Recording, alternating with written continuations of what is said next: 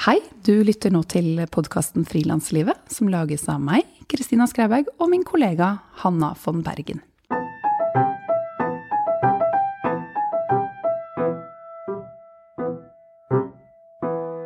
Jeg befinner meg nå i Kristiansand, i verkstedet til smykkekunstner Camilla Prytz. Camilla har laget smykker som er blitt båret av kjendiser, kongelige og Hollywood-stjerner. Og i 2011 bestemte hun seg for å flytte fra hjembyen Oslo til sørlandsbyen Kristiansand. For å få mer ro og tid til arbeidet. Og nå er jeg altså her på besøk hos Camilla. Hei. Hei. Du, så hyggelig å komme hit til liksom sjøutsikt og lys og ro. Kjempedeilig. Du, Camilla, kan ikke du begynne med å bare eh, kort eller langt fortelle litt om deg selv? Hvem er du? Ja, jeg heter Camilla Prytz, og jeg er 46 eh, år.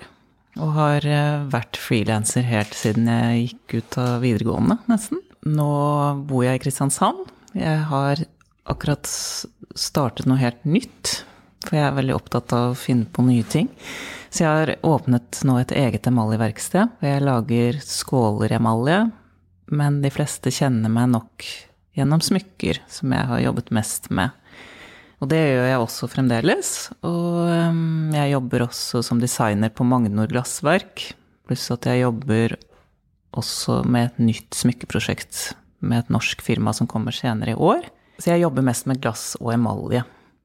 Og jeg lager noe selv, og jeg jobber som designer for andre. Ganske mange sånn forskjellige eh hvis man kan kalle det baller. Liksom mm. Mange forskjellige prosjekter på en gang. Ja, ja, ja, egentlig. Men man må jo ha det for å få det til å gå rundt, tenker jeg, da. Og um, det er jo en kunst å vite hva du skal si ja til, og hvor mye du kan rekke. Og, men jeg liker veldig godt å jobbe med begge deler. Jeg har jo aldri vært redd for å være kommersiell, så jeg liker godt å jobbe med ting som også skal selge. Og, ehm, og man når ut til mange flere mennesker når man jobber med design, da. Mm. For andre. Men kan ikke du eh, sånn kjapt eller, ehm, eller, langsomt, helt opp til deg, fortelle litt om måte din vei fra da du tok utdannelse som glassblåser, til å begynne å lage eh, fiskesmykker i glass, som mm eh, tok egentlig veldig av.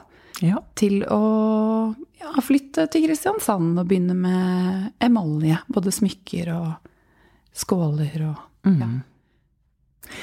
Eh, det begynte vel eh, Etter videregående så begynte jeg på Blindern, men jeg hadde egentlig mest lyst til å jobbe med noe skapende, så jeg sluttet der.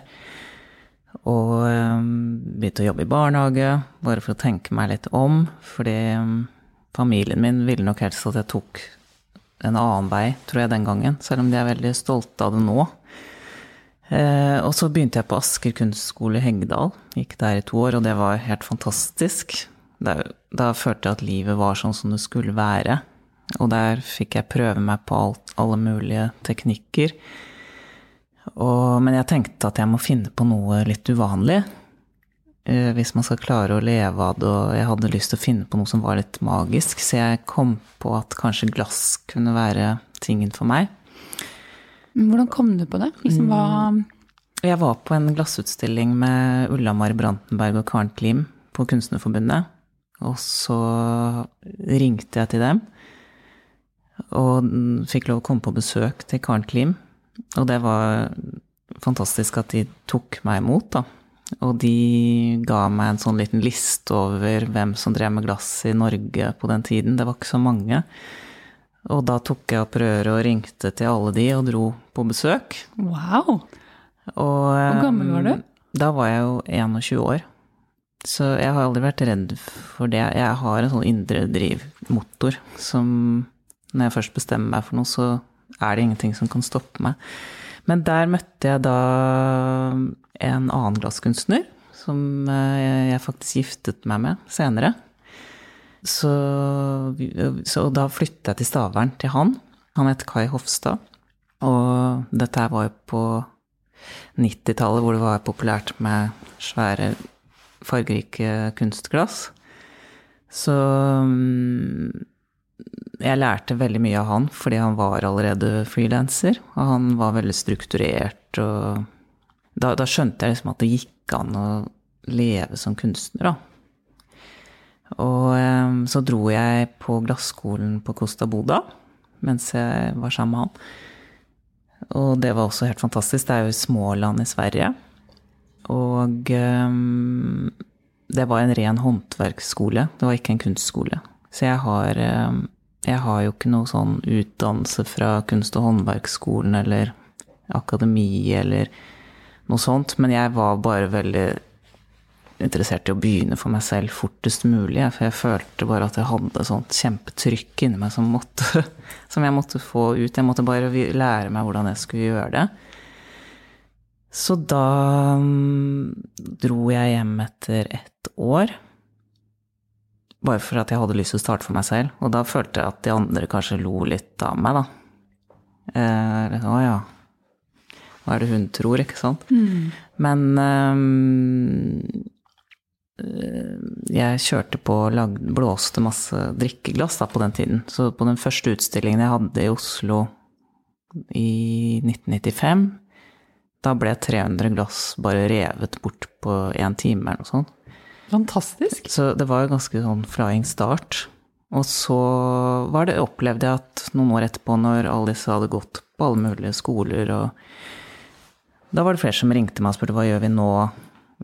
Skal jeg selge galleri, butikk, hva, hva gjør man? Ikke sant? Og så hadde jeg mange års erfaring allerede, da. Jeg tror um, det, det funket for meg, men, og det har ikke vært noe problem for meg, men, men um, jeg tenker nå at det hadde sikkert også vært veldig fint å ha mer kunstutdannelse, da. Men jeg bare hadde så lyst til å begynne Jeg bare måtte komme i gang, følte jeg. Og da var du jo vel også såpass ung at det på en måte Hvis det sto om å bare prøve det eller jobb, jobbe videre i ja. barnehage altså Det hadde på en måte ikke så mye å, å si? Nei. Hadde ikke så mye å risikere? Nei, også, men jeg tenker på Men man skal jo ha mot likevel? Ja, så syns jeg det var litt modig gjort når jeg tenker på det nå. Men ja. det føltes veldig naturlig da. Mm. og da kom man jo Da kom jeg jo fort inn i Eh, da hadde flere utstillinger, og så ble det slutt med han eh, glasskunstnerkjæresten. Og jeg flyttet tilbake til Oslo, fikk meg studio i, i Norabakken, den gamle brødfabrikken der.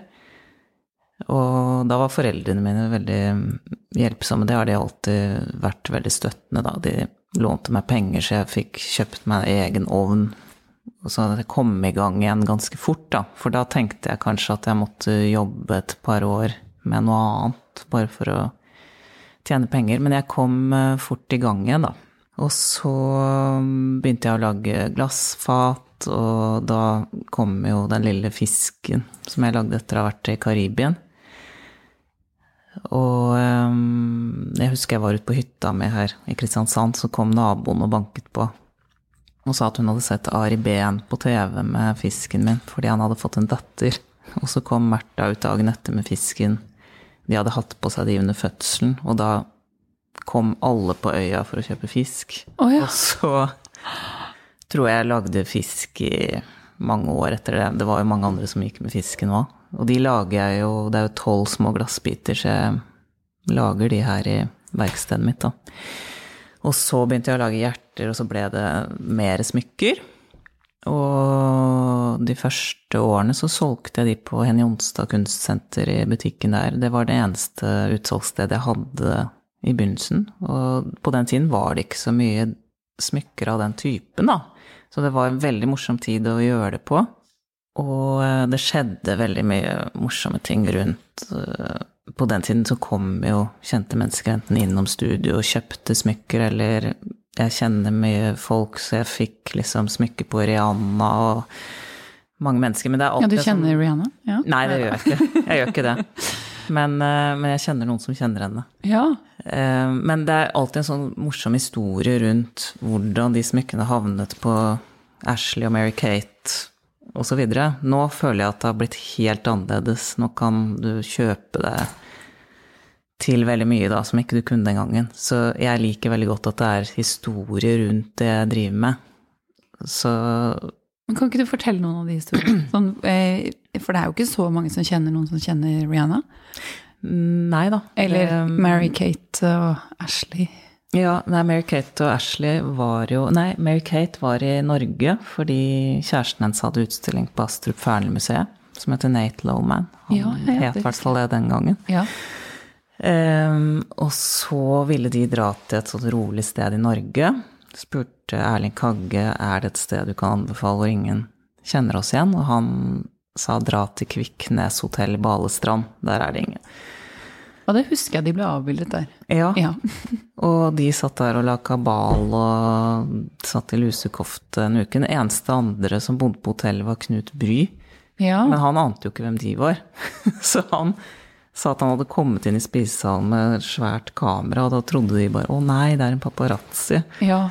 Og for så- dere lyttere så er Knut Bry en eh, fantastisk dyktig fotograf, og en venn av deg, Camilla, eh, og som vi kommer til å ha på podkasten etter hvert. Ja. Og så har jeg en venninne som bor i Balestrand, som har en liten butikk som solgte smykkene, da, tilfeldigvis. Og hun var på hotellet den kvelden. Møtte Så tenkte hun nei, det kan jo ikke være Mary-Kate Olsen. Men så møttes de på toalettet, da.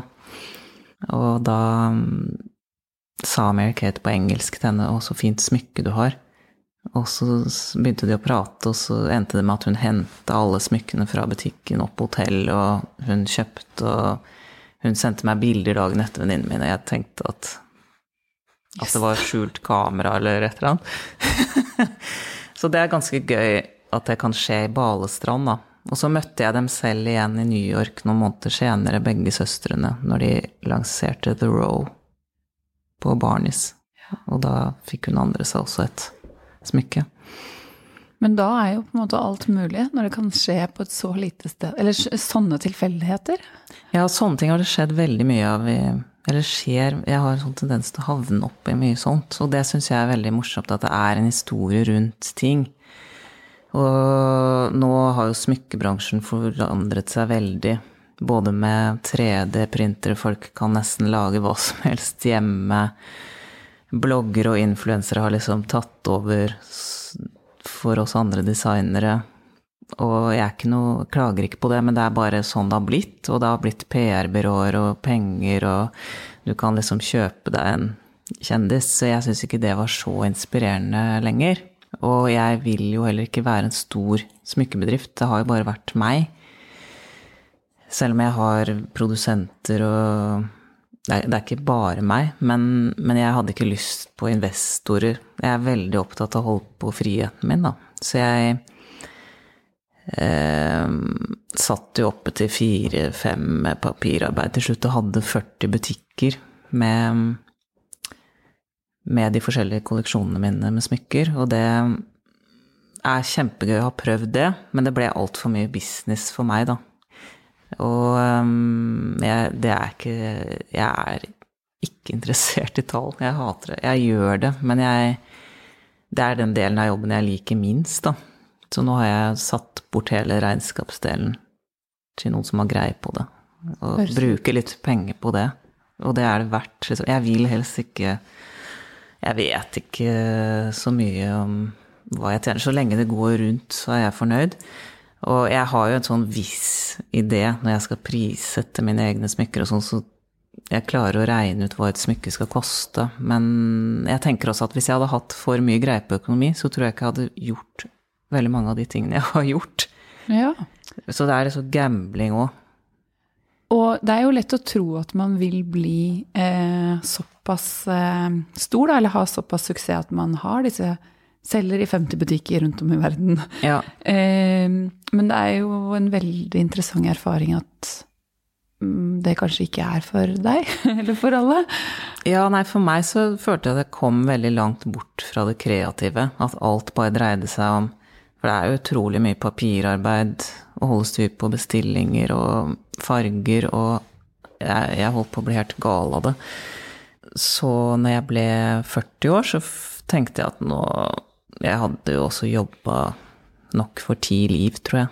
Og det er ikke noe klage, for jeg syns det er gøy, men Men eh, jeg hadde en sånn kjempefin designsofa, husker jeg, så tenkte jeg at jeg har aldri ligget på den. Ja. Jeg så aldri på TV, jeg gikk aldri på familieselskap. Det var veldig mye som kom Jeg følte at alltid jobben kom først, og at alle rundt meg på en måte måtte forstå det, da. Og at jeg trodde selv at jeg hadde mer å gjøre enn alle andre mennesker som jeg kan le av nå, men um, Kjenner meg igjen. Ja. Og du tror liksom at du er sentrum i verden, og Men du må kanskje tro det òg for å leve så ekstremt over en lang periode, da. Ja. Eller for Men å klare det det. Det var ikke sånn at du så at å, nå er det såpass stor etterspørsel at nå løfter jeg alt litt, og så får jeg en ansatt eller to? Tenkte litt på det, men den aller siste kolleksjonen jeg lagde som het Lux, at jeg skulle lage en sånn masseprodusert, billigere linje, da, som jeg lanserte i 2015. Eh, og da hadde jeg egentlig fått meg en agent som skulle gjøre innsalg og, og eh, en del av den biten som ikke jeg likte. Jeg hadde satt opp sånt system selv om ikke de var ansatt i den forstand. Eh, og det gikk ganske Det var liksom flying start, men så oppdaga jeg at jeg tror Altså, det var ikke eh, Folk ville ha emaljesmykkene isteden. Altså de smykkene som er mer personlige, og som de kan liksom se at jeg har lagd, da. Er Jeg følte at det kom litt sånn langt vekk fra merkevaren min. Ja, så tenkte jeg at um, nå bare selger jeg de her ut på salg, og så skal jeg gjøre noe helt annet. Nå skal jeg virkelig finne ut hva jeg har lyst til å drive med. Og i mellomtiden så hadde jeg Noen ganger så skjer det jo Kommer det jo inn noe fra høyre i livet som du ikke aner noe om, da. Og jeg tror at man som frilanser må være ganske flink til å gripe sjanser, da. Akkurat når de kommer og være på riktig tid og riktig sted og Det tror jeg i hvert fall er en av mine styrker, da. For da fikk jeg en telefon fra en som heter Ida Gullhav, som også er norsk designer. Og hun hadde kjøpt huset til Grete Prytz Kittelsen. Og for de som ikke vet hvem hun er, så er hun en veldig kjent gullsmed og emaljekunstner i Norge, som døde i 2010. Da var hun 93 år, og hun var kusinen til morfar. Så det er ganske langt ut i familien. Men hun har da designet alle de fine skålene i emalje som alle har samlet på fra loppemarkeder og auksjoner, og hun har lagd smykker, og dere kan google på henne. Hun har lagd Hun regnes jo faktisk som en, en ener i hele den skandinaviske designtradisjonen i verden, for hun hadde sånn veldig internasjonalt fokus. Så hun eh, bodde i Planetveien, som var tegnet av Arne Korsmo, hennes eksmann. Og det huset er fredet, så de, men de hadde fått lov til å kvitte seg med emaljeovnen hennes, de som hadde overtatt huset. Og så ringte hun meg og spurte om jeg ville ha den. Og da kjente jeg liksom at hårene reiste seg litt. Jeg tenkte nå skjer det noe som ikke jeg helt vet hva er, men jeg bare fikk en sånn følelse at nå skjer det noe viktig. Um, Og og det jeg var sa- før du selv hadde begynt å Ja, jeg holdt- eller? Nei, jeg, holdt, jeg hadde jo eh, da begynt å produsere emaljesmykker på et lite firma i Oslo som heter Opro. Som er en, et veldig gammelt, fint emaljeverksted i Storgata. Og jeg har vel en sånn 50 forskjellige modeller gående der siden 2011, som jeg designer og de produserer. Og det mm, var jo mange som ikke trodde at det gikk an å lage norsk produksjon, men det gikk i hvert fall rundt. Jeg har ikke blitt rik av det, men det er noe av det morsomste jeg har gjort. Og det virker som folk setter pris på at, at det er kortreist og produsert her. Så det har vært fantastisk. Men, eh, og det var jo også inspirert av Grete Prytz i og for seg, for jeg har alltid tenkt at jeg har lyst til å drive med emalje, som også er beslekta med glass. Men så fikk jeg denne telefonen, og så tenkte jeg bare yes, den ovnen må jeg jo ha. Jeg ante ikke noe om den. Hun sa den er ganske svær, og jeg tror den veier et tonn, sier Ida da. Men da, da setter den indre motoren min i gang, og så bare tror alle at jeg har blitt gal når jeg leier heisekran for å få den ut av huset. Den var bygd inn. Alt det her har vi filma, da. Og før den kom ned her, hadde det jo kostet ganske mye penger bare frakt, ikke sant. Og den var ikke i orden. Den var ødelagt. Den hadde ikke vært i bruk på mange tiår. Og den kom heller ikke inn av døra i verkstedet mitt her, så da satte jeg den på et lager en liten stund, og så skulle de skifte vinduer i samboeren min sitt atelier, så da tenkte jeg at jeg skviser den inn der. Så vi bare fikk den inn her, hvor jeg er nå. Og så fikk jeg leid et rom til ved siden av som jeg slo gjennom veggen, og så vips, så hadde jeg et lite emaljeverksted. Men da var jo ikke ovnen i orden, og jeg ante heller ikke hva jeg skulle gjøre med den, eller hva jeg skulle lage, eller hva jeg skulle bruke den til. Og så tenkte jeg nå må jeg ta meg rett og slett litt fri og begynne å tenke på hva skal jeg gjøre. Og da reiste jeg ganske mye, og folk tror jo at når frilansere reiser, så skal du på ferie nå igjen, liksom. Det er egentlig ganske irriterende å snakke med folk som ikke er frilansere, om frilanslivet. ja. Um, du bare ja, skal du på ferie? nå? Være kul. Ja. ja. Men da Da begynte jeg å tvinge meg selv til å slappe av litt. Etter å ha flytta også ned hit. Fordi eh, jeg tenkte at nå har jeg lyst til å lage et skikkelig ordentlig prosjekt rundt dette her. Så det var ovnen som fikk deg til å, liksom, ja. til å stoppe opp? Litt, ja. Eller, sånn... ja, eller også det at jeg var litt lei av alt det med butikker og smykker og Jeg syns eh, Jeg hadde lyst til å komme mer tilbake til meg selv og sitte og lage ting selv, tror jeg. Og ikke forholde meg til så masse folk hver dag og mailer og mas. mas. Jeg var bare Jeg hadde egentlig bare lyst til å bure meg inne en stund og sitte og lage ting og høre på podcaster. Mm. Så um, jeg har noen sånn periode hvor jeg vel, kan være veldig utadvendt, og så har jeg andre perioder hvor jeg er veldig innadvendt. Og så tenkte jeg, det er jo også hvor skal jeg begynne, ikke sant? Hvem skal lære meg? Um, så jeg begynte jo med flere ting på en gang. Blant annet så søkte jeg um, for første gang på kultur- og kunststipender, da. For å få bygd opp ovnen igjen. Og um, det er jo også litt å sette seg inn i, men det er utrolig mange fine stipender. Det kan jeg anbefale alle å sette seg ordentlig inn i. Og det er ikke så vanskelig som man tror å fylle ut de papirene. Og hvis du har gjort det én gang, så blir det litt lettere neste gang, da. Men jeg tror vel kanskje eh, terskelen er bare det å skulle finne ut hvilket stipend passer for prosjektet mitt. At terskelen start er, er, der, og så er det neste å sette seg ned og skrive. Men det jeg også fant ut, var at du kan jo snakke med, med Kulturrådet, f.eks. Man kan ringe, ja. ja det, jeg tenkte, det, jeg tenkte, at det var sånn tippekupong nesten, som jeg må fylle ja. ut. Men at du får ikke noe hjelp. Mm. Men det gjør du jo. Du kan ringe og spørre om alt mulig. Altså, det er også mitt beste råd rundt det med stipender. Å, og, ringe og bruke den kompetansen som sitter ja. på andre siden. De, ja. de, er jo der for, å, for, at disse søknadene skal bli best mulig. Ja. Det er jo det, alles uh, uh, Ja. Det, Alle er opptatt av det, at de ikke kaster bort tiden sin på søknader som ikke passer, egentlig. Ja, å gå på sånne konferanser som Kulturrådet arrangerer. Det er veldig mye de, Jeg var på en hvor de fortalte uh, i detaljer om hvordan man kunne spisse søknader og gjøre de bedre. Så følg med på de hjemmesidene og se hva de arrangerer rundt omkring.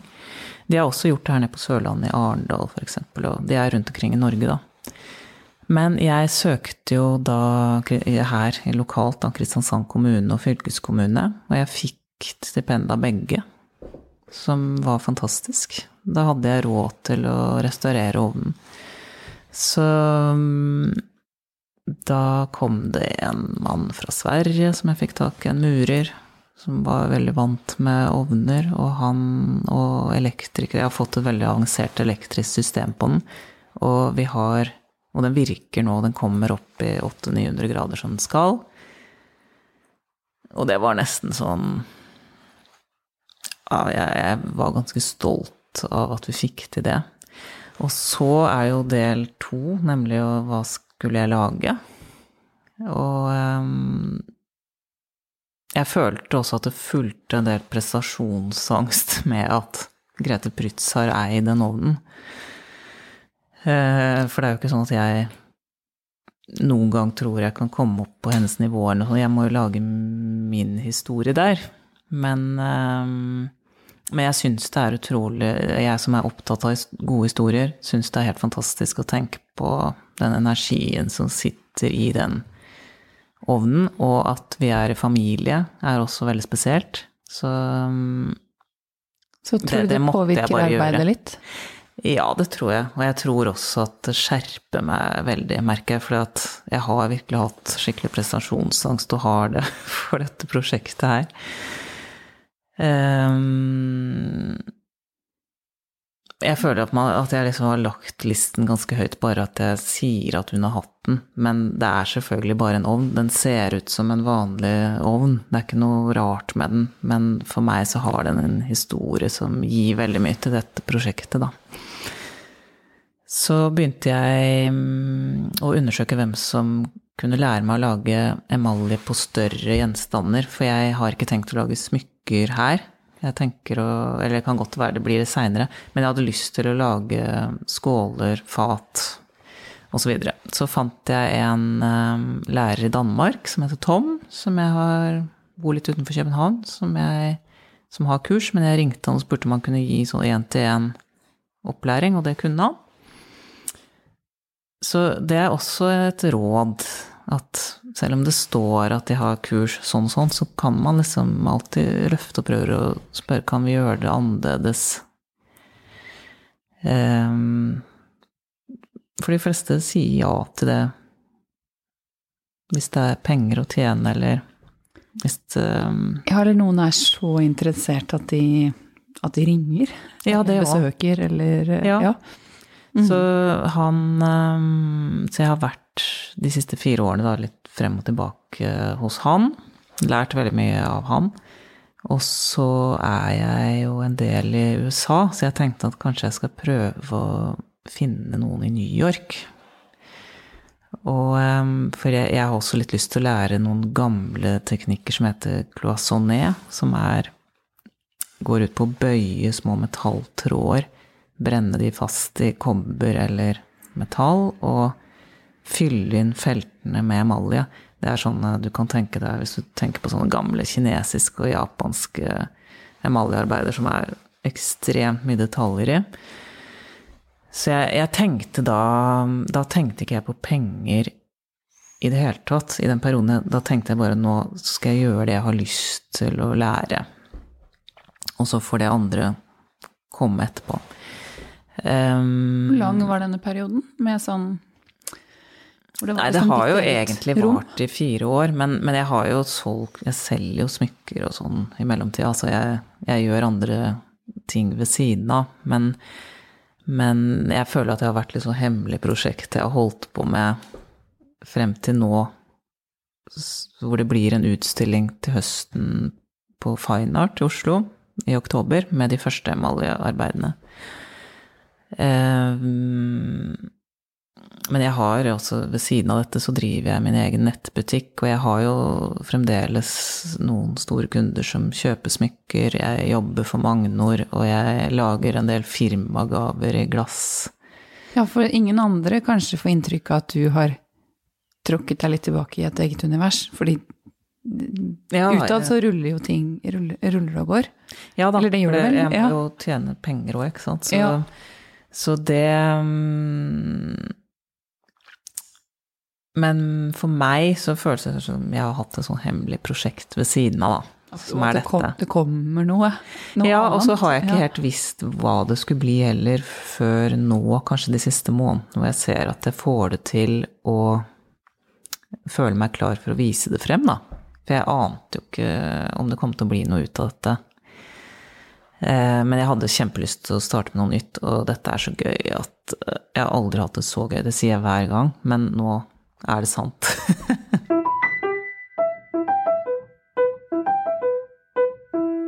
da du eh, fikk denne ovnen og eh, kjente at nå skal jeg reise litt, og nå skal det være liksom min, min tid, mm. eh, var det et greit tidspunkt sånn eh, karrieremessig å stoppe opp litt? Eller hvordan, hvordan løste du det eh, sånn helt praktisk med Fordi e-poster kommer jo, Ja og forventninger og Jeg gjorde veldig mye. Jeg hadde jo da alle disse butikkene også, men noen var jo større kunder enn andre.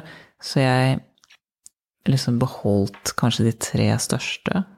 Og så sa jeg til alle de andre, satte jeg sånn ganske høy minimumsbestillings eh, tall. Altså jeg sa dere må, dere kan ikke bare bestille én av den og to av den. Dere må bestille så Og da visste jeg at de kom til å falle fra.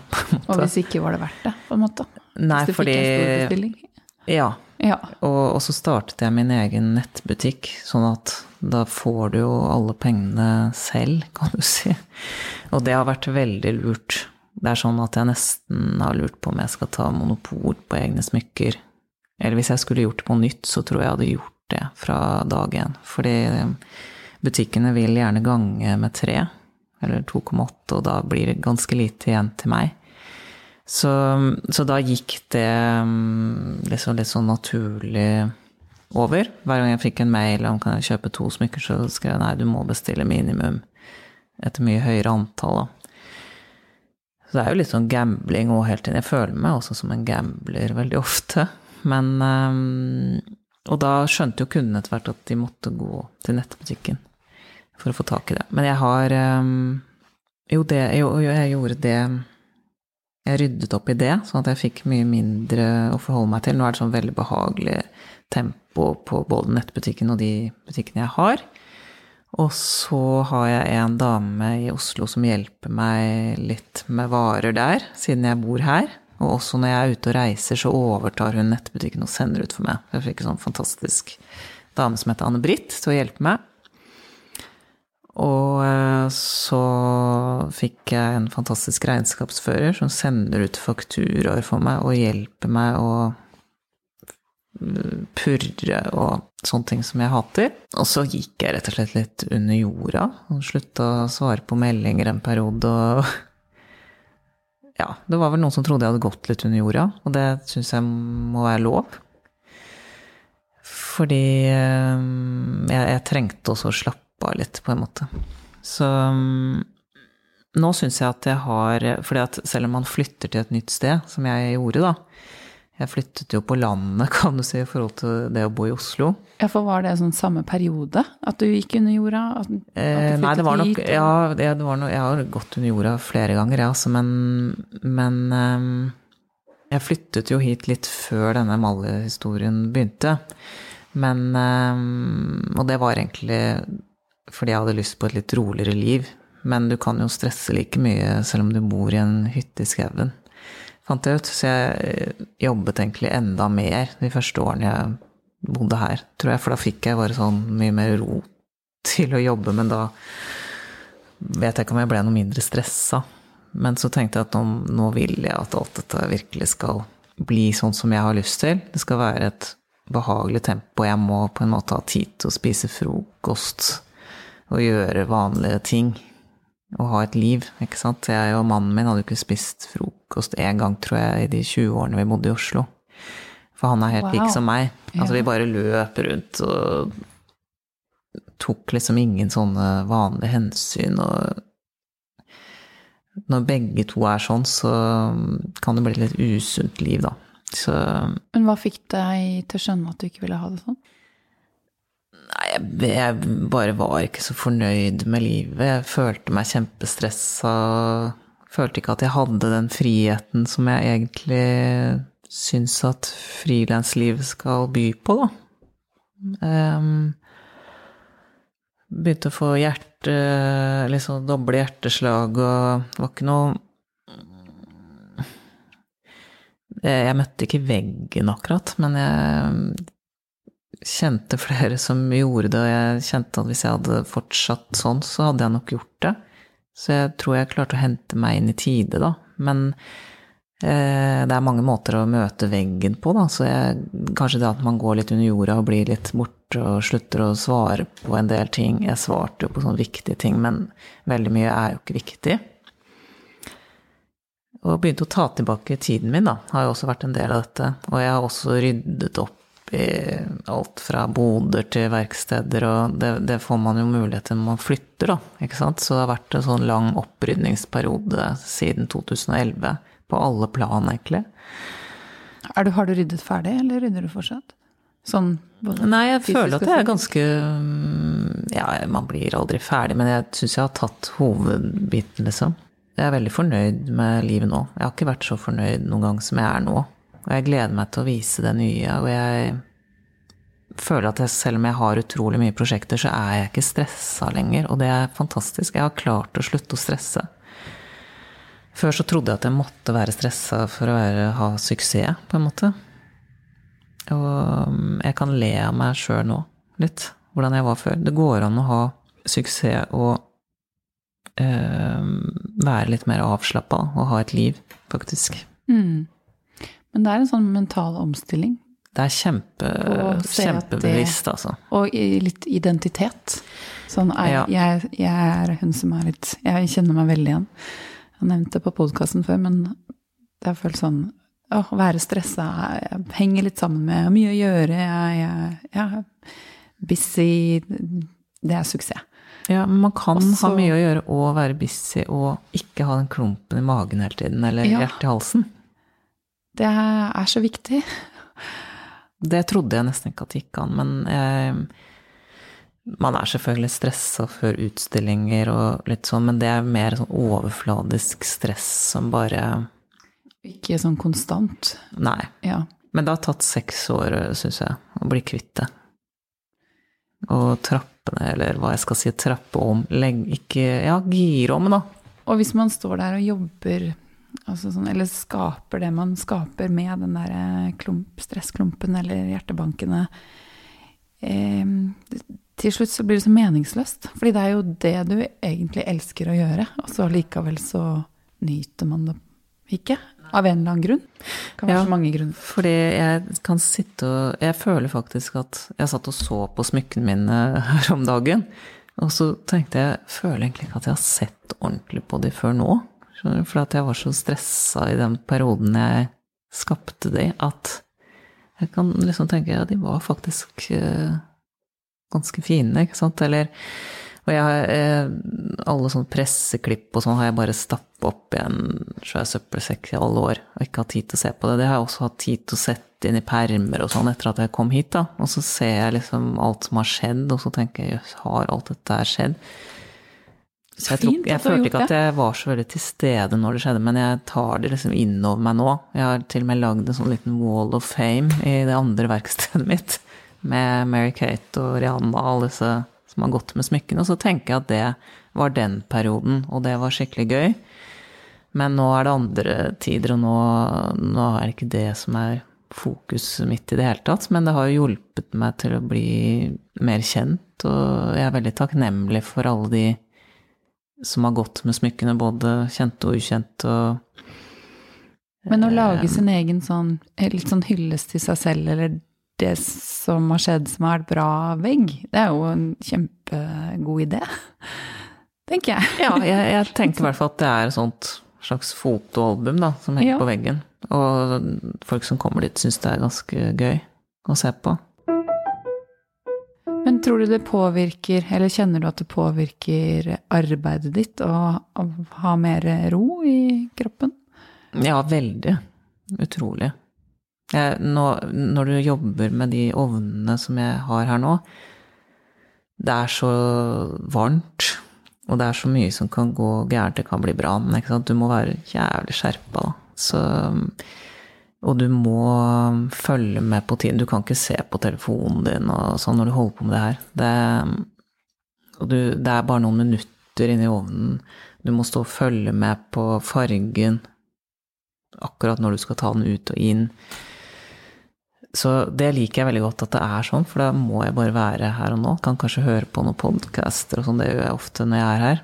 Og bare er alene er det føles som en sånn meditasjon, bare å holde på med det. Det påvirker selvfølgelig hvordan de ser ut.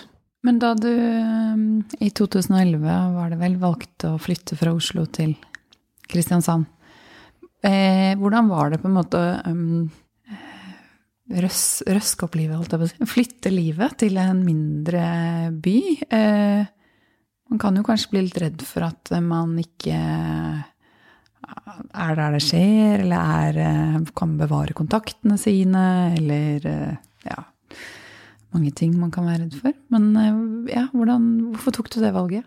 Det gikk litt sånn gradvis, fordi Samboeren min er fra Kristiansand, men han har ikke bodd der siden han var 18 år, og han er veldig glad i Oslo. Så det var ikke egentlig på grunn av han.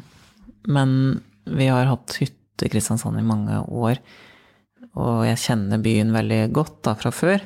Så jeg visste jo hva jeg gikk til, og jeg hadde venner her. Og, men jeg så det jo stort sett om sommeren, og jeg samarbeidet også med galleri, eller samarbeider med Galleri Biset som ligger i sentrum her.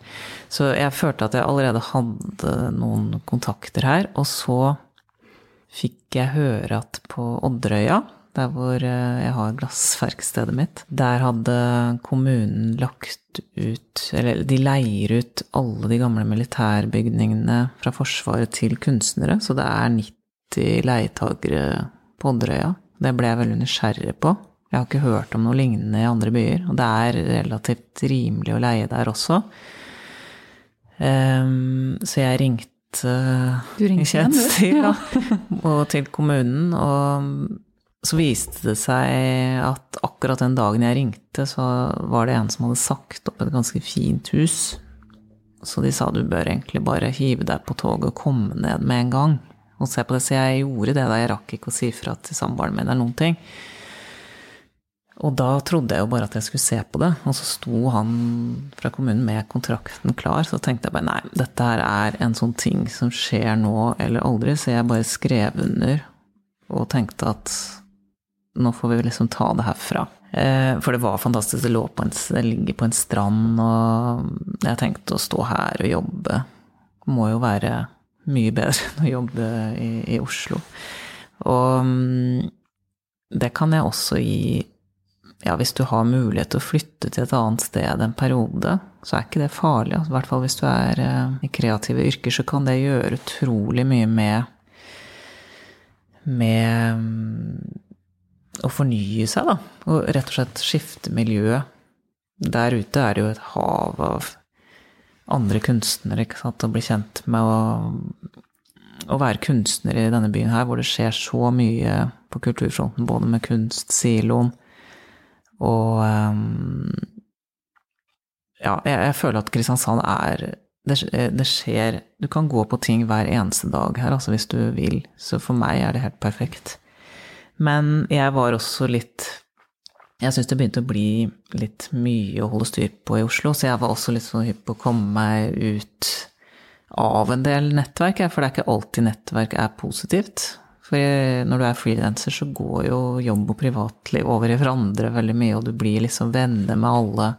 I hvert fall jeg er blitt venner med omtrent alle jeg hadde jobbet sammen med noen gang. Så du har jo så mange bekjente til slutt at jeg, det var jeg er sånn som syns det er vanskelig å si nei til ting, så jeg tenkte at hvis jeg flytter meg fysisk ned hit, så er det liksom lettere å si at jeg ikke kommer på det og det og det og det.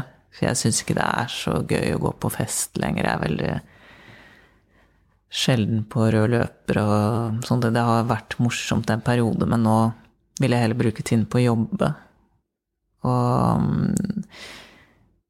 um, Så jeg, jeg rydda også litt opp i bekjentskapskretsen min, egentlig, og tenkte at jeg må, jeg må egentlig være mer sammen med familie og de nærmeste. Bruke mer tid på de og mindre tid på folk som er bekjente. Og um, det er jo ganske lett å holde kontakten med folk så lenge du er både på sosiale medier og um, nett, altså. Jeg, hvis, hvis, man oppfører seg litt ordentlig og er hyggelig, så er det veldig ofte veldig lett å plukke opp en gammel kontakt som du kanskje ikke har snakket med på mange år, så jeg syns ikke det har vært noe problem. Pluss at jeg hadde lyst Det var et bevisst valg å innskrenke min omgangskrets. Men å stå i det er ganske tøft, syns jeg. Eller har vært. At folk Mange lurer på hvor du har blitt av, og kanskje noen føler at du har brutt litt med Oslo. Og gamle miljøer og sånn. Men noen ganger så så må man gjøre det bare for å redde seg selv, på en måte. For å ikke bli spist opp. Så jeg føler at jeg har ryddet mer plass til å drive med å jobbe, da. Og være mindre sosial, rett og slett. Det um, har vært en bra ting her. Og Men det var en sånn Og det, hva er viktig for meg i, livet? Ja, ja jeg syns det. Ja.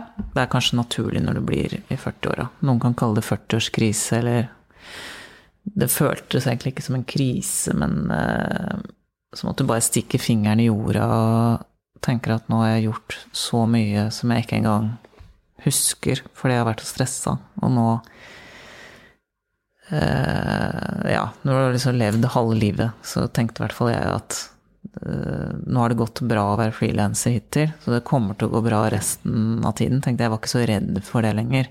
Jeg har bekymra meg veldig mye om økonomi og sånn før, men jeg tenker at hvis det har gått til nå, så klarer jeg resten, ikke sant.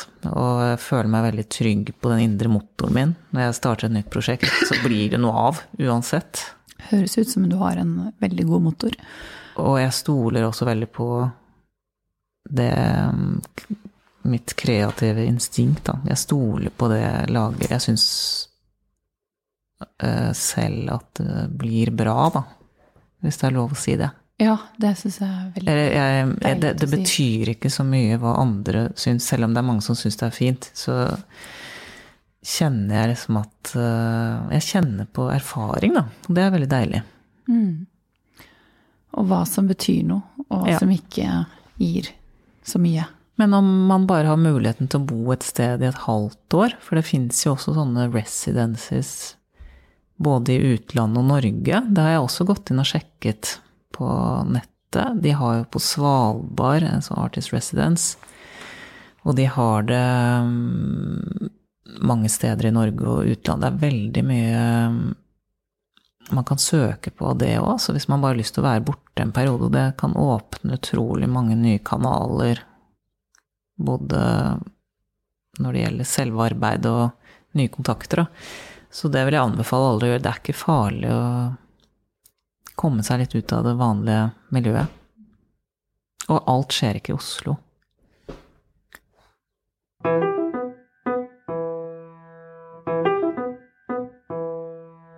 Hvordan er eh, arbeidsrutinene dine? Du, har, det er veldig lite rutinemenneske. Jeg er B-menneske, så jeg jobber ofte veldig seint. I går kveld f.eks. holdt jeg på vel til halv to, tror jeg. Dette er jo også fordi jeg ikke har barn, men det kan jeg komme tilbake til.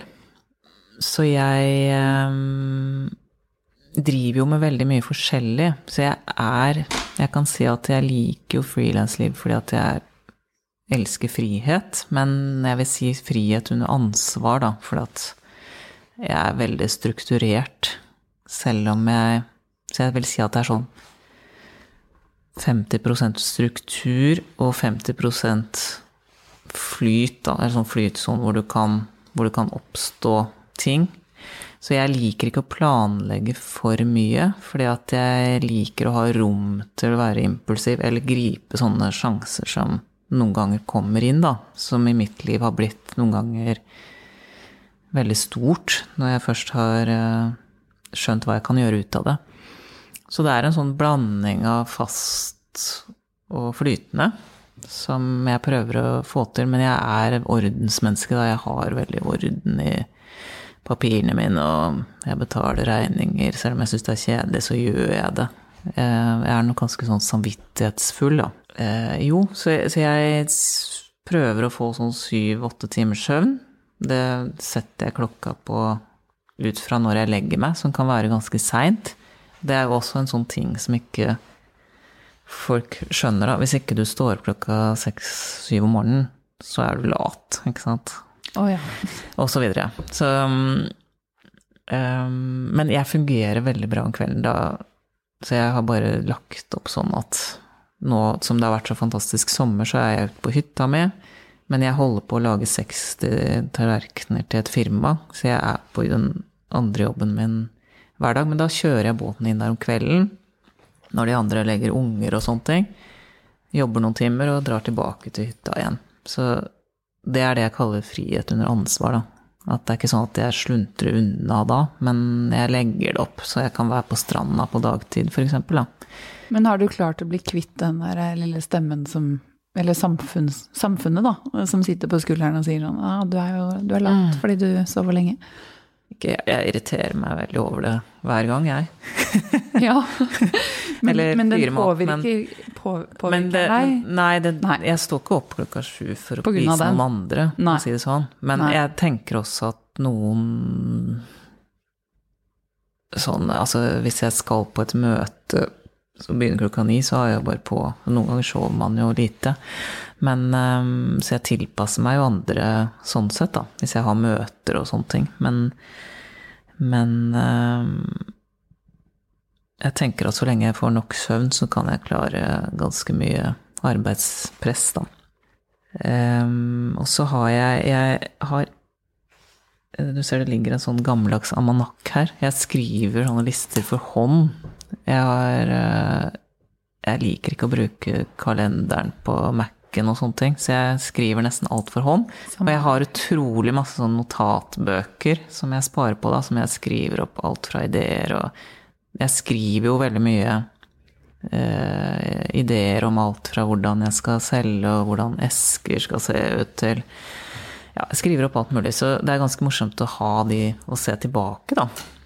Når du finner noen gamle bøker, hva, du, hva som har blitt noe av. Kanskje jeg skriver en liste over hva jeg ønsker å gjøre, ikke sant. I fremtiden, og hvem jeg har lyst til å jobbe for, og litt sånne mål, da. Og så finner man de og ser at å ja, det har skjedd, og det har ikke skjedd, og kanskje jeg skal gjøre det igjen, og sånn. Så jeg er litt gammeldags der når det gjelder å Jeg syns lister funker kjempebra, og de skriver jeg hele tiden, for jeg begynner å huske litt dårlig. Ja, sitter en del på kafé og jobber. Det liker jeg godt. Og mm, noen ganger så drar jeg jo til Magnor på Kongsvinger, jobber i glasshytta der, særlig før en lansering, da, som er to ganger i året. Det er jo kjempemorsomt, og nå holder jeg på å jobbe med et firma som jeg ikke kan si så mye om helt enda, men det er et norsk smykkefirma som, som jeg jobber med her nede på Sørlandet. Som så drar, drar, jeg opp dit. Så jeg, det er veldig varierte dager, da. Det liker jeg. Og jeg ser utrolig mye på kunst. Det mener jeg at er en del av jobben min. Da. Så jeg er alltid på utstillinger. Jeg tar båten til Århus på dagstur fra Kristiansand. Ser utstilling på Aros og drar hjem igjen samme dag. Det går akkurat, liksom. Så jeg ser um, mer og mer på kunst jo eldre jeg blir. Og ja, hører masse på podcaster når jeg jobber. Opera, Goop, dere. Syns frilanspodden er veldig bra. Og jeg prøver å høre på litt sånn inspirerende Ja, for det høres ut som du passer på å fòre deg selv med eh, mye Ja, mye inspirasjon, eller ting som bygger, bygger en opp, da. Ja, At, eh, for det tenker jeg også er viktig å være litt bevisst på hva, hva, gi, hva gir det man skaper, og en selv personlig noe. At man putter inn sånn eh, inspirasjonsrom, eller ja, gå på utstillinger, gå på Ja, for det, da blir jo alt det blir jo inntrykk som kommer inn, enten hva du hører eller alt, summen av alt du driver med, da, kommer jo inn, og så er det akkurat som du rister en sånn terning. Eller ja, altså du rister litt rundt i hodet, så kommer det jo ut som noe helt annet i mitt uttrykk, da. Men det er jo summen av alt du har sett og hørt, eller jeg har sett og hørt, som kommer ut i arbeidet mitt. Eh, og da ser det jo helt annerledes ut, men eh, det er jo det som er inspirasjon. Mm.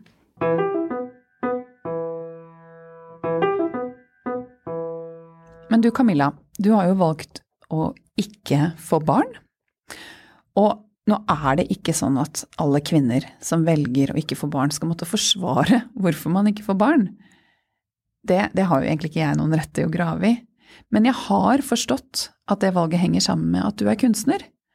Og kan ikke du derfor fortelle litt om det? Jo, det er vel ikke bare, har vel ikke bare med jobb å gjøre, men mer det at jeg ikke er så veldig glad i rutiner og noe som minner om A4-liv, da. For jeg har jo aldri hatt det siden jeg begynte så tidlig. Og jeg tenker at i dag, hvis jeg skulle hatt barn og gjort det om igjen, så tror jeg kanskje jeg hadde fått barn da jeg var veldig ung. Fordi nå venter jo folk veldig lenge, og da er det jo vanskeligere. Um, men jeg er veldig glad for at jeg ikke har barn. Jeg er veldig glad i frihet, å kunne reise et sted når jeg vil, og hvor jeg vil, og du blir jo mer bundet når du har barn. Jeg tror absolutt ikke at det er noe problem å ha karriere selv om man har barn, for det er det jo veldig mange som har. Men for meg går det nok mer på det derre friheten, altså at du føler at, at jeg føler at da hadde jeg mistet den, det hadde blitt virkelig et helt annet liv i så mange år. Og jeg er så samvittighetsfull at jeg tror jeg hadde selvfølgelig ønsket å bruke mest mulig tid på de barna, hvis jeg fikk de. Og da hadde jeg kanskje savnet å jobbe så mye som jeg liker også å gjøre. Så jeg, jeg er veldig glad i voksenlivet, jeg.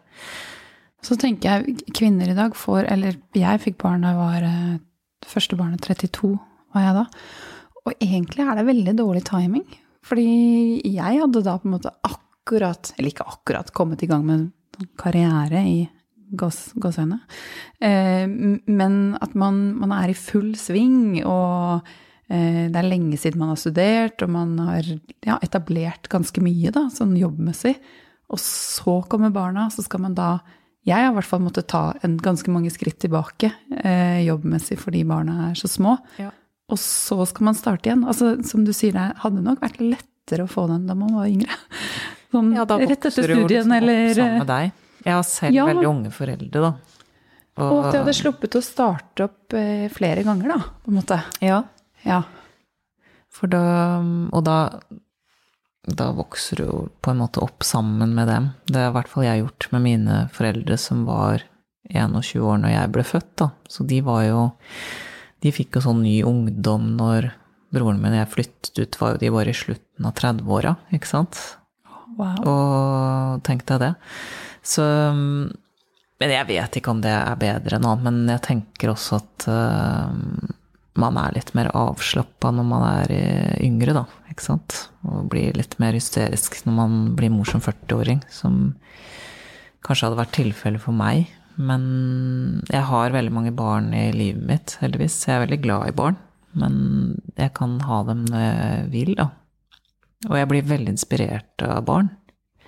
Så det er ikke det at jeg hater barn, men men det går mest på friheten, altså, som jeg er så vant til. Jeg tror aldri Hvis jeg måtte ha en fast jobb, så hadde jeg nok klart det hvis jeg måtte. Men jeg tror ikke jeg hadde blitt lykkelig av det. Jeg Får du mange reaksjoner på at du har valgt å ikke ha barn? Nå har jeg jo blitt 46, så nå tenker vel alle at uh, nå har de vel sluttet å mase om når jeg skal ha barn, for å si det sånn. De har skjønt at det toget har gått. Men uh, ja, jeg syns at eh, særlig i 30-åra, da, så fikk jeg jo veldig mange spørsmål om det. Og eh, jeg har også vært med å skrive i en bok som heter 'Evig barnefri'. Og mm, frontet det litt, da. Jeg har snappet opp. Ja. Eller frontet det å være lykkelig barnløs litt, da. Så mm, nå har jo det vært veldig mye fokus på det, så jeg tror at folk begynner å venne seg til alle som er annerledes. Pluss at når du blir eldre, så bryr du deg ikke så mye hva folk syns lenger. Man blir jo sett på som en egoist, da, men det blir man jo også når man er kunstner, og man er kanskje det også. Så du blir sånn dobbeltegoist? Ja, egoist, egentlig. kunstner og Ja. Så mm, jeg tror jeg har tenkt en god del på det med ego og kunstner, og jeg tror eh, at det kan være en drivkraft, ja, altså at du eh, Det er sikkert mange som syns at kunstnere er litt høye på seg sjøl, og det er jo mange òg, og det kan jeg også være, det. Men jeg tror også at når du skal liksom selge noe som er så personlig, eller så blir det jo mer interessant jo mer av deg som er inni produktet, eller kunstverket, hvis du skjønner hva jeg mener. Jeg bruker nok det som en drivkraft, sånn også via sosiale medier. Sånn at man, jeg har brukt meg selv en del som modell for smykkene. For jeg syns du er utrolig eh, spennende å følge på sosiale medier. Og veldig, jeg syns du er veldig flink til å bruke deg selv. Altså sånn da du frontet dine egne smykker, jeg syns det var helt fantastisk flotte bilder. Og eh, er du bevisst i på en måte din hvordan du, ja, eller hvordan du fronter ditt brand, da? Ja, jeg syns jo det blir mer personlig når det er meg selv som er modell, da så har jeg jo mange gode venner som er fotografer, blant annet Knut Bry, som er en fantastisk fotograf. Kjenner jo mange flinke stylister, og, sånn, så jeg vet at det kan bli et bra bilde, da. Og jeg syns at det gir noe ekstra til kolleksjonen når det er meg selv som modell. Jeg har alltid vært veldig opptatt av bilder og foto, da. Å få ordentlig vi har lagd to smykkebøker, blant annet Knut Bry og jeg. Han er jo en stjernefotograf, så det er jo fantastisk å få en sånn mulighet til å jobbe med han. Han har hjulpet meg mye, og jeg har, må si opp igjennom at jeg har fått veldig mye hjelp av folk som er eldre enn meg, kunstnere jeg kanskje har kontaktet. Så det er også et råd å gi, da, at de fleste blir jo glad hvis du kontakter dem og ønsker å få råd. Og å tørre å ta opp røret eller sende en mail, det mm, kan føre til mye bra. Så mm, jeg har en, vært heldig med noen sånne mentorer opp igjennom som jeg kan spørre om ting, da. Også i reklamebransjen, for eksempel, har jeg en venn som jeg snakker mye med om markedsføring og har lært veldig mye av. Men det er en sånn ting Det er også en bit av jobben som har interessert meg veldig, det med markedsføring og bilder, og jeg elsker jo Instagram og syns det er veldig gøy, da, selv om jeg er ganske mye eldre enn mange som er der. Så der prøver jeg å vise en sånn blanding av det jeg holder på med, og litt av livet mitt, uten at det blir for privat, liksom. Og hva som inspirerer meg, og at det skal være masse fine farger, er jo det jeg stort sett står for. Så det syns jeg er fantastisk. Eh, altså, det er jo en gave til kreative mennesker at sosiale medier har kommet, da, som også er gratis. Så men i Norge så blir det jo noen ganger sett litt ned. Det er jo fremdeles ganske mye jantelov her, så at du bruker deg selv som modell og um, Det er sikkert noen som syns at det blir litt mye, men det Dem om det, holdt jeg på å si. Det, man kan ikke alltid bry seg om sånne ting. Jeg har reist mye og vært mye i New York, og der er det jo en helt annen mentalitet. Så det har nok påvirket meg veldig mye å, å være såpass mye der, da. Det er jeg glad for. Så reise så mye som mulig tror jeg er lurt for alle frilansere. Bare få nye impulser fra overalt. Hva syns du er det aller beste med eh, frilanstilværelsen? Eller det å kunne velge å jobbe for seg selv? Eh, det er jo å være herre over egen tid. Det svarer vel de fleste. At det er den friheten. Men igjen at du må være ganske strukturert, tror jeg, for å få det til. For du må jo Du er jo Du har jo alle stillingene i ditt eget firma, da. Ikke sant? Alt fra kaffekoker til vaktmester til kunstner til eh, Altså, det er jo meg som gjør alle de tingene som man vanligvis har ansatt folk til å gjøre i et firma. Og det er det mange som ikke tenker på. Ehm, for det har jeg tenkt ehm, på også at folk utenfra kan bli litt overraska når det går opp for dem at jeg betaler mine regninger med, det, med de pengene de kjøper et smykke for. Det har jeg ikke tenkt på. Det er jo også det med å snakke med folk som ikke er frilansere. Det beste er friheten med struktur i bunnen, det at du kan bestemme over din egen tid. Og det verste er jo, i hvert fall i første årene, kanskje den økonomiske usikkerheten. Men da har jeg alltid tenkt at hvis ikke det går, så får jeg bare få meg noen ekstra jobber, altså på Rimi eller whatever. Jeg er ikke noe jålete på sånne ting. Så jeg, jeg, vet at det kunne jeg alltid ha Jeg skulle alltid ha klart å få betalt husleie og sånne ting. Og jeg har jo også en samboer, og det har jo mange, så man deler jo på ting. Men um, det verste Ja, akkurat nå så kan jeg ikke komme på så mye negativt med å drive for seg selv, men du må nok eh, Selv om du har fri, så har du jo på en måte aldri fri. Det er kanskje det verste, eller det vanskeligste, da, å koble Jeg kobler i hvert fall aldri helt ut. Eh, og det har bare blitt en vane, og så tenker jeg at det er sånn livet er. Så det er ikke sånn at du har 100 frihet, da, fordi at eh, alt det er noe Altså når du jobber for deg selv, så trenger du aldri å slutte å jobbe. Så du må liksom sette en strek selv, da. Jeg syns jo det har vært mange tunge stunder, og på det høres ut som det har absolutt ikke vært noe dans på roser. Altså jeg, det er mange ganger jeg har hatt lyst til å gi opp og ikke trodde at jeg kom noe videre, og at det er for stor konkurranse. Særlig nå som jeg føler at mye har forandret seg i i designbransjen, da, fordi at det er så mange influensere og bloggere og kjendiser som på en måte har overtatt rollen til designere, ikke sant. Så, sånn er det jo bare, da. At, at det blir mer og mer merkevare og pengestyrt, da.